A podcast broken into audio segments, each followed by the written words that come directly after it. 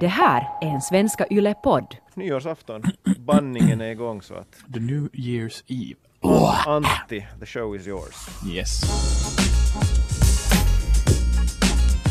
Det 39 avsnittet av Ylesportens podd är här. Det sista för år 2018 för vi skriver nyårsafton i kalendern. Eller inte gör vi ju det, men det står det där redan färdigt. Och då har vi samlats, jag och kollegan Chris Vuojärvi för att bubbla igen. Vi hade en liten julpaus här emellan då det blev ett specialavsnitt, men nu är vi så att säga back in full force och diskuterar dessutom Chris brännheta ämnen, eller hur? Mm, det stämmer, det var sig som JVM ishockey och Tour. Ganska uppenbara val, men det är väl rätt att göra det. Ja, det är på det viset också uppenbara val med tanke på att det är vi som bevakar de här mästerskapen så det rent rättighetsmässigt och refererar dem på svenska så det här är liksom helt vår hemmaplan för tillfället. Uh, Chris, du har refererat mycket Tour de Ski redan, har en hel del att se fram emot under den här veckan som ju inleds idag med detta som är en måndag men på ett märkligt sätt ändå känns som en helgdag.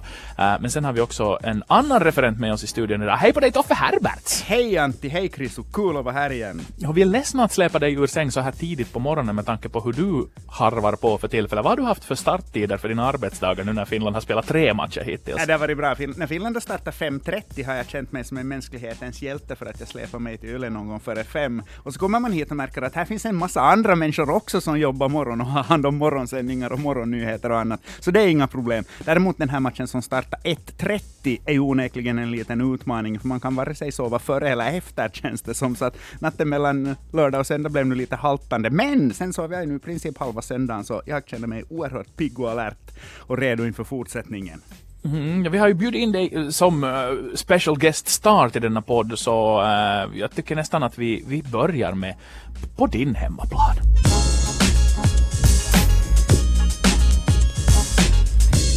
JVM i ishockey pågår alltså på den kanadensiska västkusten. Juniorlejonen pekades i förhandsnacket ut som en het medaljkandidat. Saldo för Finland efter tre matcher, förlust mot Sverige, segrar över Kazakstan och Slovakien.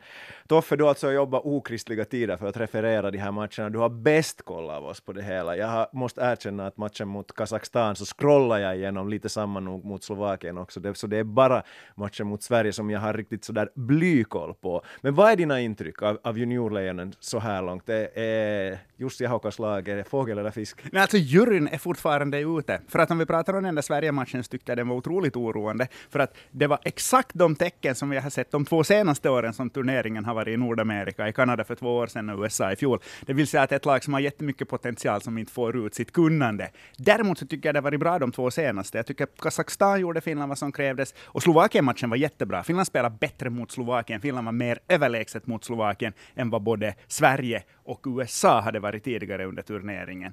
Och det gör ju att precis allting är öppet nu ännu. Det är USA-matchen, kvartsfinalen, eventuell fortsättning som avgör. Det kan gå åt båda hållen. Det är ett jätte, jätte, jättetråkigt svar. Men det har varit så tudelat. För Sverige-matchen var precis allt vad man hoppades att det här laget inte skulle bjuda på. Senaste matchen igen, en av de bästa insatserna som helhet har gjorts i de här mästerskapen. Ja, jag tycker det har sett sådär blandat ut också, men, men nu har det ju varit märkligt hur, hur mycket bjudningar Finland har fått och, och, och, i de här eh, två matcherna där man faktiskt har lyckats bra med målskyttet, även om det pratas mycket om ineffektiviteten just nu. Men att sen när Finland väl får puck redan i mittzon eller vinner den högt uppe i offensiv zon, så då går det nog undan och det är ju ett, ett bra tecken.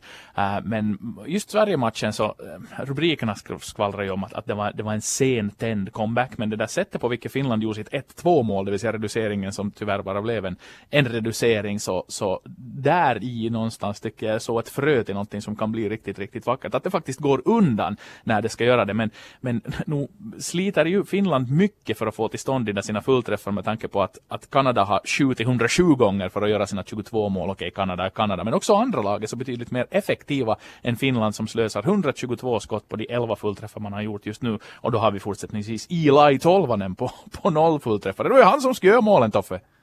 Äh, ännu vad det gäller Finland, två saker som jag tycker är ganska häftiga som jag tycker man kan lyfta fram ändå. Finland har spelat fem matcher nu i Nordamerika, två träningsmatcher mot Danmark och Kanada före turneringen och sen har man dem nu i turordning med Sverige, Kazakstan och Slovakien. Och inte släppt in ett enda mål förutom i numerärt underläge, det vill säga fem mot fem, fem mot fyra, fyra mot fyra. Inga insläppta mål, utan det har varit tre mot fem eller fyra mot fem precis hela vägen. Och det säger ändå någonting, för fem matcher är ett så stort urval att man kan säga att försvarsspelet med jämna femmor, det funkar minsann. Och sen den här trenden att Finland spelar ganska jämnt, stabilt och bra. Sju perioder i rad som Finland har vunnit. Det är som inte så där att man har spelat de här matcherna mot Kazakstan och Slovakien, att man har gjort 5-0 i en period och sen har man vilat lite. Men man vann sista perioden mot Sverige och sen efter det sex raka periodsegrar, så sju totalt. Och det tycker jag också säger någonting om att det finns trots allt en viss stabilitet som jag tror är jätteviktig inför fortsättningen. Och den stabiliteten tycker jag skiljer det här laget i alla fall från mm. de två senaste upplagorna. Du sa ju Toffe inför turneringen också att, att, att målvaktsfrågan var en, en sån där make or break, att, att huruvida UPL skulle vara det var han var i fjol eller om han faktiskt har, har karpat upp sig. Det tycker jag han har gjort. Ja, alltså han var jättedålig med klubban senast och höll på att ställa till det när han for ut bakom mål ett par gånger och skulle börja, börja spela som någon extra back. Och det, det gick ju inte alls. Men annars, förutom det, har han ju varit förträfflig. Vilka räddningar han har gjort och mm. två av tre insläppta mål i tre mot fem. Mm. Jag måste vara kärringen mot strömmen här. Jag är nog fortfarande skeptisk. Alltså ner känns sådär 50-50, men det där som juniorlejonen presterar mot Sverige, det var precis som i fjol, det var krampaktigt och framförallt att det fanns ingen rytm i spelet. Backarna öppnade tokigt, det blev någon mischmasch mellan snabbt och långsamt och Urho Vakanen som spelar NHL-ishockey så haft, eh, tycker jag, problem fortsättningsvis lite att komma in i, in i den där uppbyggnadsfasen. Och summan av kardemumman är här varför jag är skeptisk. Jag undrar om Jussi Ahokas är rätt man på rätt plats. Klarar han av att få det här laget att slappna av. Jussi Ahokas han talks the talk men walks inte alltid the walk. Jag, jag, tycker att det finns saker i hans ledarskap som gör mig lite oroad. Och Ahokas var ju någonstans primus i den här stora tränarutbildningen för finska hockeyförbundet. Jag undrar, och det, jag är inte ensam med det här, om inte hockeyförbundet då i tiden har funderat, ah, det här ett intressant namn. Vi låter honom gå samma väg som Rickard Grönborg i Sverige, att han skulle vara en kommande landslagscoach och kanske ta till och med över efter Jalonen sen inom ett par år. Uh, nu undrar jag nog att, att om någon längre tänker på det sättet. Okej, okay, vinner han JVM-guld, men, men det lär väl vara så att han tar över KK nästa säsong, så att han växer eventuellt ränta där. Men jag undrar då det kommer till kritan, klarar Ahokas av att vara den där ledaren som lugnar ner stämningen, då det ändå handlar om unga pojkar, istället för bara låta dem spela och ta det från ryggmärgen. Det min brasklapp här i den här debatten. Tycker ju rent coachningsmässigt så gör han ju eh, intressanta saker när han rockerar och, och, och vaskar om där mitt under pågående match. Det var ju en stor diskussion när tolvanen parkerades tillsammans med de här två grindskallarna. Eh, att man matchar en av de tyngsta offensiva pjäserna med två av de mest oprövade men ändå lovande killarna i Lundell och Kakko. Så att, att någonting liksom gör han ju. Jag tyckte också sett om sättet på vilket han kommunicerade när Yle Urheilu hade en lång intervju där man, där man liksom benar ut att hur, hur han tänker här. Och mm. hur, han säger hur, ju rätt saker hela tiden. Ja, det ju, men det är ju sant. Din, din, din fråga är att nu ska vi då se mot USA framförallt sen i kvartsfinalen om han klarar av att walka the walken som du var ute efter. Men vad säger Toffe? Alltså två trådar som ligger ute här nu som måste tas in, det vill säga Ahokas-tråden och Eli Tolvanen-tråden. Eli Tolvanen, att han inte gör mål är ett problem och en stor orsak till att Eli Tolvanen inte har gjort mål är att han inte har gjort mål i powerplay. Han är en spelare som gör mål i powerplay. I fjol i KHL 9 av 19 mål i grundserien var i powerplay, 3 av 6 i slutspelet. Totalt 12 av 25 KHL-fullträffar i powerplay. Och de gick nästan alltid till på samma sätt. Att en vänsterfattad back, oftast Sami Lepistö, matade fram och så sköt han direkt och så mm. var han målvakten inte med. Och när vi nu väver in Nahokas, så känns det som om den här första femman inte har övat powerplay överhuvudtaget. Som inte finns någon klar vision, någon klar idé om vad som ska hända, utan det är en högerfattad back, Joki Harju, som spelar fram pucken i galna positioner och fel lägen till tolvanen, som sen ger sig ut på några märkliga utflykter för att få skottläge i någon annan form av vinkel från någon annan spelare. Och så blir det bara väldigt invecklat hela alltihopa. Och att som tränare så kan det ju inte vara för mycket begärt att man ska få en första femma i powerplay som vet vad de ska göra. Och det känns det egentligen inte som om Finland har haft. Mot Slovakien också kom målet i fem mot tre. Så det skulle tolvanen behöva. Och en sån grej så gör att jag lite måste hålla mig till Krisos gäng här, att det, det ger för mig jättestora frågetecken kring Ahokas. För att om man då har Juha Jojärvi som är Tapparasainons tränare som finns i Yles studio, och han påpekar saker och han säger saker att sådär och sådär kan det inte se ut. Så då börjar jag fundera att varför i hela fridens namn har inte Jussi Ahokas sett det här som är relativt enkelt att se? Mm. Tolvanen då har flyttats till, eh, eller flyttades i slutet av Slovakien-matchen till en annan lina och han är alltså på noll mål.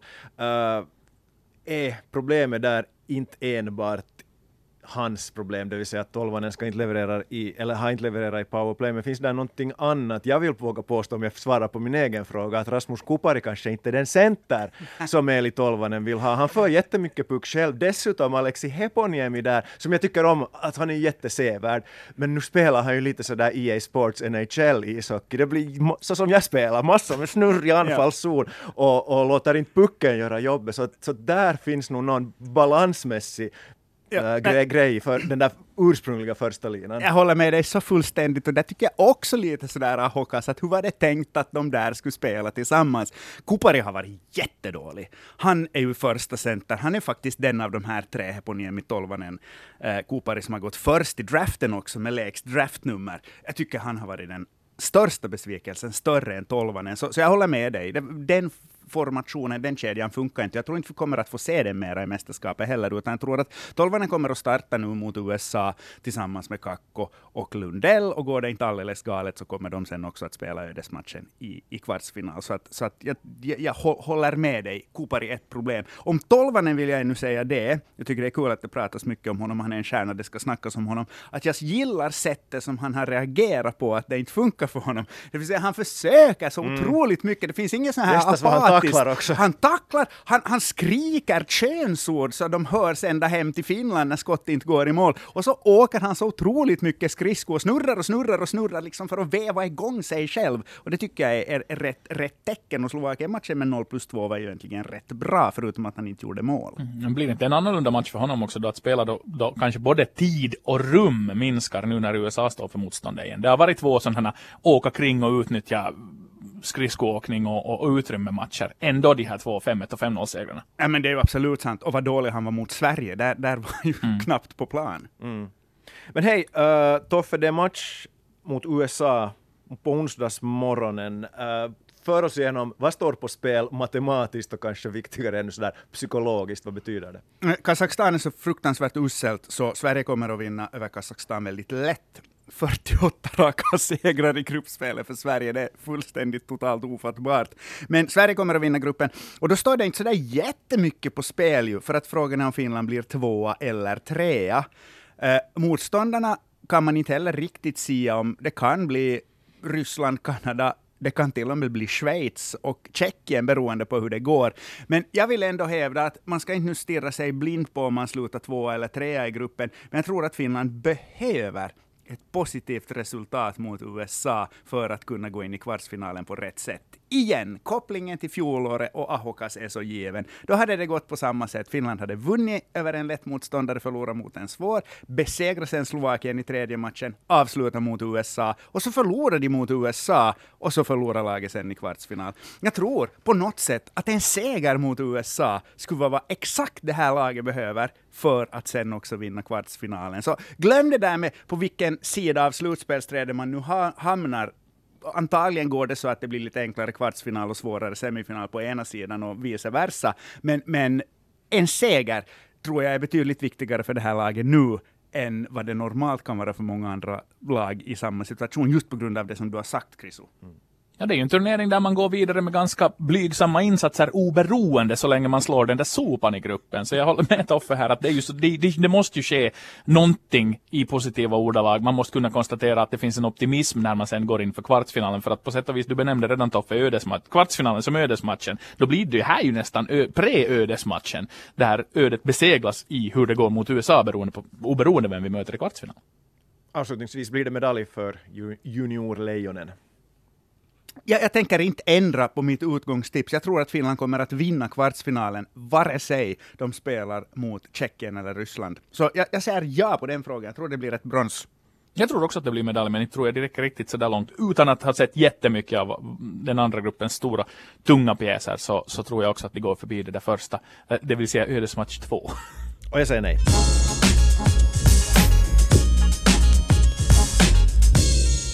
I den andra halvleken av Ösportens podd den här uh, nyårsaftonsdagen uh, pratar vi längdskidåkning. Uh, det pratas väldigt mycket längdskidåkning just nu och det handlar väldigt mycket om en tävlingsform som är lite ifrågasatt. Att hur blev det nu sen? Vem är med? Vem är inte med? Och så vidare.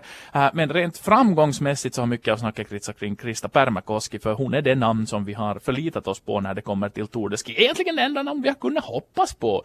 Uh, Chris, du skrev inför Tour de Ski-starten, mm. det tre tävlingar gammal nu, att Krista Pärmäkoski i de stora tunga kanonernas frånvaro är en, en reell vinnarkandidat. Nu har man fristilsprintat snart en hel del och börjar sen köra mera av, av Permakoskis styr, hennes styrkor. Uh, har någonting ändrat på den här fronten eller är det Permakoski som är det enda riktigt stora intresset för oss?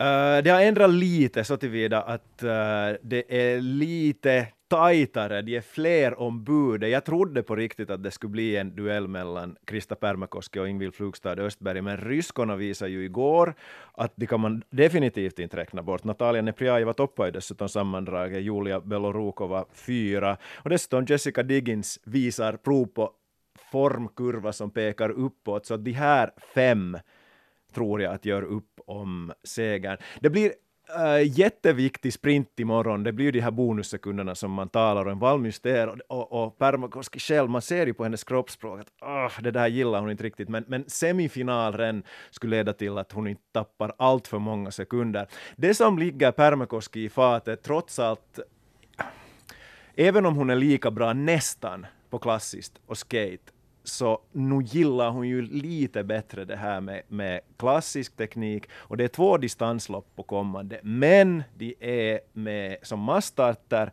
plus att terrängen i Oberstdorf framförallt, lite också i Val di Fiemme, är ganska lätt, så det blir svårt att göra de där rycken, att uh, uh, göra det där rycket som leder till att de argaste konkurrenterna tappar sekunder, så att uh, allt avgörs under det sista men den sista etappen, klättringen upp för Alpe Cermis, och Permakoski får inte vara för långt bakom där. Så att det här blev liksom lite å ena sidan och å andra sidan. Permakoski fortfarande mästarkandidat, vinnarkandidat, men oddset har höjts om ni fattar vad jag menar. Ja, nej, absolut, jag förstår. Men, men det roliga är ju att, att det är ju sju tävlingar på nio dagar och, och, och, och, nu är det då frågan om att, att hon är med i racet och det blir de här tuffa tävlingarna. Att, att hur bedömer du nu, hur smart är det nu sen för henne att ösa på så här mycket med tanke på att Seefeld ändå sen väntar bakom knuten då alla andra antingen A tränar i lugn och ro eller vilar? No, det där är ju en bra fråga, men facit på hand från tidigare säsonger så visar ju att Matti Haavisto, som ju då också är, är landslagstränare men också Permakoskis personliga tränare tillsammans med Permakoski vet vad de sysslar med.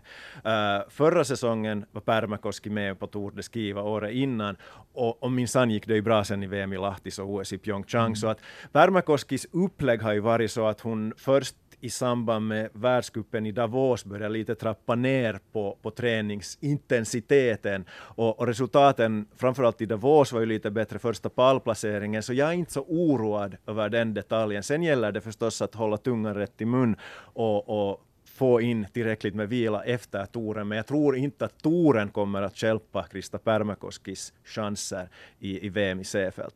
Nej men oj, hon var ju med i fjol och OS, precis som du säger. Eh, det som jag tycker är intressant när jag försökte kolla inför den här slutklättringen, så, så det har varit ganska enkelt att säga när det har varit Weng och Johaug att det kommer att gå så och så i klättringen och de kan ta in så och så mycket tid och allting handlar om hur, hur mycket de kan ligga efter.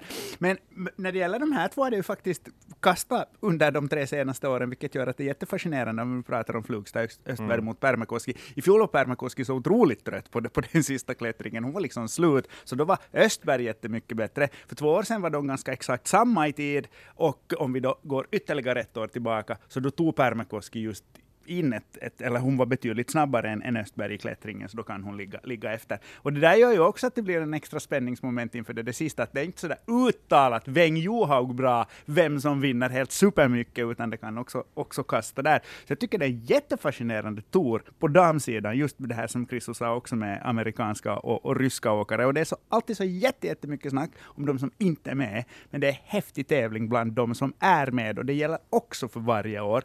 Och svenskorna kan nu skriva i sina kvällstidningar, svenskarna, sida upp och sida ner om vem som har sagt vad, för att Charlotte Kalla inte är med. Men vi finländare som har Krista Pärmäkoski med, så tycker att det är en, en jätterolig, intressant tävling. Mm. Ännu om den där slutklättringen, och då, du gör de där jämförelserna, så, så jag kollade igår, och man har ju kanske den bilden också, de är ungefär lika långa och tunga, Krista Pärmäkoski och Ingvild Flugstad Östberg, jämfört då till exempel med de du nämner, Johaug och Weng, som är lätta och har, uh, de är dessutom kortare och det hjälper upp för klättringen, för att ju mindre, färre kilo du har och klättrar upp för den där bergsväggen, så desto lättare är det. Så att inte ens där någon fördel för den andra egentligen, så att uh, det blir spännande. Mm. Det var ju intressant att, att då Chris nämnde att Haavisto och Pärmäkoski vet exakt vad de sysslar med. Jag läste här på morgonen en intervju med Toni Roponen äh, där han på sätt och vis bortförklarar, eller förklarar varför Matti Heikkinen nu har gått så fullständigt in i väggen och allting har gått åt skogen där. Och där medger de nog att de har gjort något misstag, men inte är de säkra på att det är något träningsuppläggsmisstag. Men något misstag har de nog gjort. Äh, så det har ju blivit lite spännande här nu för, för Eder försvann ju direkt efter hon fick feber. Eh, efter första sprinten så sa ju Risto Matti Hakola redan att han trodde det här, månne han inte kastar in handduken, han kan, man kan köra så här. Och sen stack Heikkinen, det vill säga få deltagare har blivit ännu färre.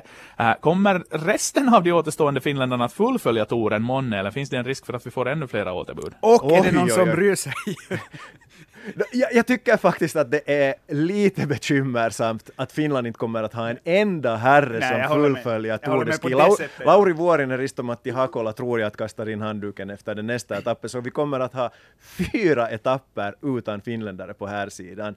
Finland som längdskidåkningsnation ska klara av att prestera bättre och, och ha fler deltagare med. Det tycker jag bara. Och nu ser det ju bekymmersamt ut. Jag vet inte, Antti, minns du vad kan det vara, ett par månader sedan då vi hade en, en specialpodd? Om, om längdskidåkningen och lite nordisk kombination och backhoppning med Glenn Lindholm. Och vi var ju jätteoptimistiska. det Johanna Matintalo skulle, Ja, göra, jo. skulle göra genombrott och, och finländarna kom på bred front. Kerttu Niskonen skulle göra comeback till den nivå som hon, hon är uppe på. och Finland skulle ta medalj på här sidan i stafett. Det var åtminstone min dröm, men, men nu är det ju nattsvart nu. Uh, bara för en, som en jämförelse, jag var med i, i Sportnytt igår på Yle 5 och, och så jag kollade på den här finländska bredden. Så om vi tittar på VM i Lahtis och OS i Pyeongchang, så då hade Finland åtta olika individuella idrottare i längdskidåkning på topp 10 placeringar. Jag är inte oroad för Ivo Niskanen, jag är inte oroad för Krista Pärmäkoski, men bakom dem har Finland ingenting just nu.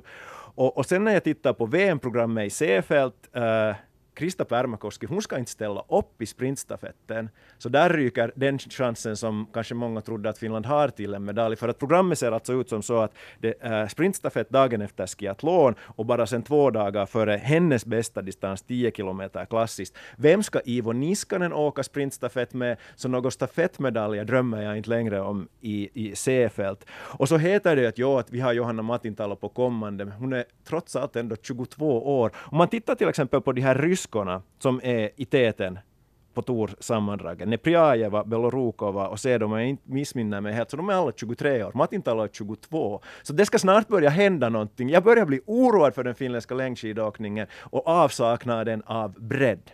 Mm. Jag har varit junior-VM på kommande i Lahti. Ska vi få dit och titta och försöka jaga nya talanger? Va? No, det är ju Matintalo och Evelina Pipo där som, som hör till de där stora namnen. Men de det- är ju redan då liksom over the hill i princip enligt den där definitionen. Alltså de borde ha levererat redan. Nej, alltså jag menar bara att... Uh, mm, nej, inte, inte riktigt så. Uh, idrottare utvecklas på olika sätt, men vi har i Finland, tycker jag, en tendens i alla idrotter att ha ett så stort tålamod med talanger. Jag minns då Ronny Porkara gjorde debut i landslaget, var han typ 27-28 år? Och då var det så här, nya finländska landslaget.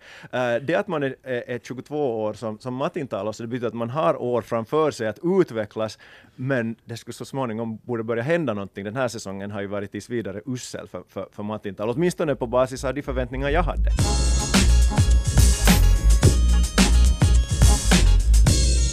Vi avslutar eh, årets sista podd som vi brukar. Nu är det inte bara två frågor, vi har tre frågor, vi har Toffe med oss, men jag tänker börja. Uh, titta på NFL i natt och, och, och, kom på idén att jag vill fråga er att uh, all amerikansk lagidrott, vilken klubb, vilken universitetsskola har den snyggaste logon? Och jag tänkte inte ens på universitetsskolorna faktiskt i mitt snäva urval, men jag fann mig själv äh, gilla uppenbarligen då äh, alltså ursprungsbefolkningsinspirerade logon för att äh, jag är en Redskins anhängare, jag gillar Blackhawks och så har jag en fäbless för Cleveland Indians. Så att liksom som rent tematiskt så går alla de tre under samma paraply och då konstaterar jag att eftersom alla de ligorna, där har jag en favorit, så då måste jag ju plocka någon någon snygging från NBA. Och då följer jag för Indiana Pacers mm. som, som logga. Den, den tilltalar mig. Mm. Min favorit är Montreal Canadiens. Jag tycker att det finns få logon som säger så mycket. Det är liksom det är ishockey, det är NHL, det är Kanada, det är franska Kanada, det är allt på en gång. Det är rött och blått och vitt och det är bara två bokstäver i en fin kombination. Det är liksom wow. Mm. Jag är också jättetraditionalist här. Jag tycker att de här senaste tillskotten till de här proffsligan, de har ganska ful. Jag minns då till exempel San Jose Sharks kom till NHL, då var jag typ tonåring och tyckte att wow, det där är ju tufft, men nu när jag blivit äldre så tycker jag bäst om just Canadiens i NHL. Uh, eh, I Major League Baseball finns det många snygga Boston Red Sox, men jag kanske faller ändå för Chicago Cubs ett enkelt C som finns, också, finns i mitt namn och sen då liksom klassiska traditionella färger, vitt, blått och rött, så att Chicago Cubs är mitt val. Jag gillar det där som finns i mitt namn. Ja, först.